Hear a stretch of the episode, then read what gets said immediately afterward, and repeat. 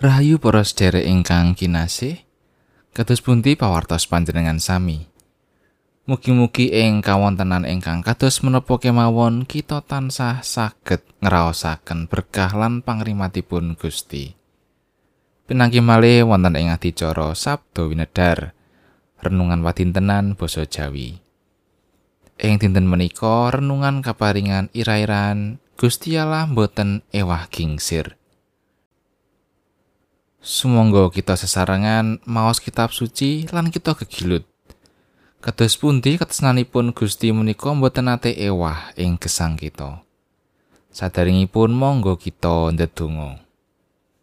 Duh Gusti Allah Rama kawula ingkang wonten ing swarga. Gusti ingkang boten nate nilar kawula lan boten kendhat anggenipun nganti lan berkahi kawula. Kawula ngaturaken agunging panuwun awit sih rahmat paduka menika. Duh Gusti ing wekdal ingkang mirunggan menika, kawula sumadyo badhe nampeni sabda pangandika paduka. Mugi roh suci madangi manah kawula. Nyagetaken kawula mangertosi menapa ingkang dados kersa paduka. Duh Gusti kawula ngrumaosi minangka manungsa ingkang sekeng kebak ing dosa lan kelepatan. Mugi paduka kersa paring pangaksami. Matur nuwun Allah. Wonten ing asmanipun Gusti kawula Gusti Yesus Kristus. Haleluya. Amin. Wawasan kapendet saking Jabur Mazmur 100 kali ayat kali welas ngantos wolu likur. Dinten-dinten kawula kados ayang-ayangan sang saya panjang. So kawula piyambak alum kados rumput. Nanging do yewah paduka ingkang adhedhampar ing salaminipun. Sarta asma paduka tetep turun tumurun paduka piyambak badhe jumeneng paring piwelas dhateng Sion. Amargi sampun dumugi titi mangsanipun kaparingan sih. Sampun dumugi ing wancinipun. Awit para abdi paduka sami remen dhateng sela-selanipun sarta sami ngraos mesakaken dhateng reremukanipun para bangsa banjur padha ering marang asmaning Pangeran Yehuwa sarta saking para raja ing salumaing bumi marang kaluhurane. Menawa Sang Yehuwa wis mbangun Sion lan wis ngatingal kalawan ngagem kamulyane sarta wis miyarsakake marang pantungane para wong kang nandang kemlaratan sarta orang remehake marang pandungane bab iki kareben cinatet kanggo para turun ing tembe. Temah bangsa kang katitahake mengko bakal padha ngluhurake Pangeran Yehuwa. Awit Pangeran wis nguningani saka ing pasucene kang luhur. Sarta Sang Yehuwa wis mirsani saka ing swarga marang ing bumi. Perlu miyarsakake pasambate wong tahanan, tuwin ngluwari para wong kang wis cinadangake marang pati. Supaya asmaning Sang Yehuwa kawartakake ana ing Sion. Tuwin panjenengane pinuji puji ana ing Yerusalem. Samangsa para bangsa lan saking karajan nglumpuk padha ngabekti marang Pangeran Yehuwa. Panjenengane wis munggel kakuatanku ana ing dalan lan umurku dicendhakake. Aturku mangkene. Duh Gusti Allah kawula, Paduka mugi sampun mundhut kawula ing sapalihing umur kawula. Taun-taun paduka menika lestantun turun tumurun.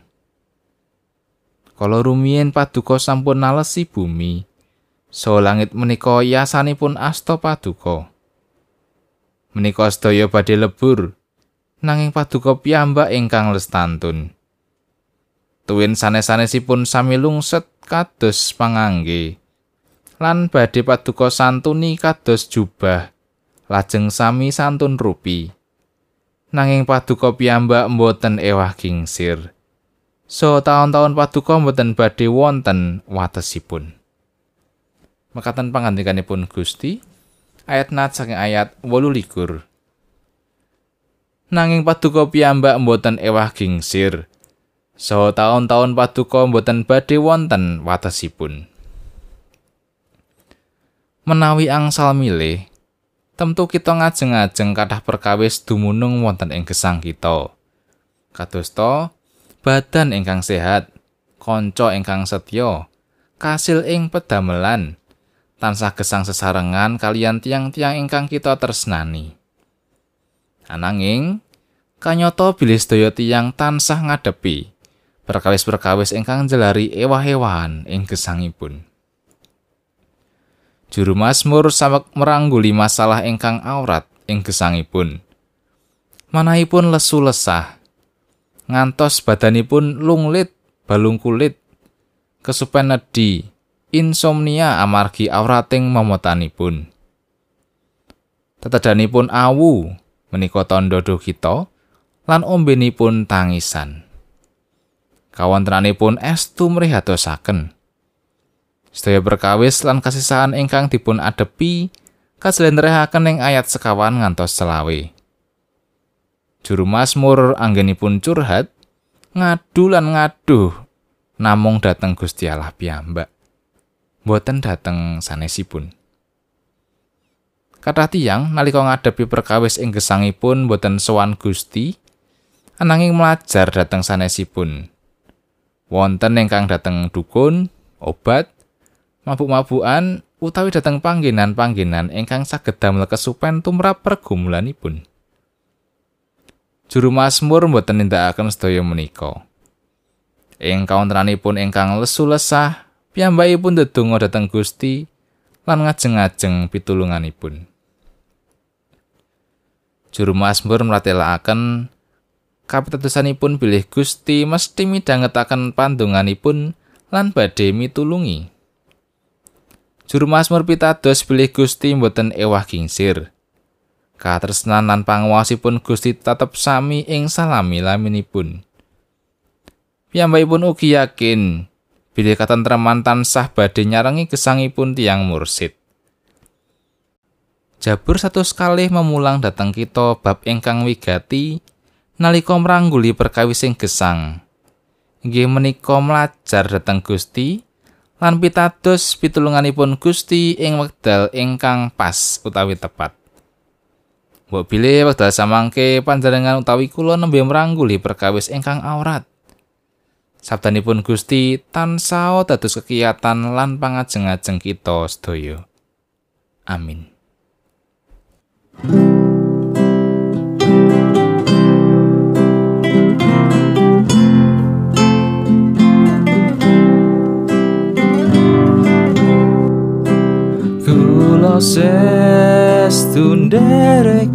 Gusti kang cumeneng panutan tetep setya tukeng janji dan wike karibetan.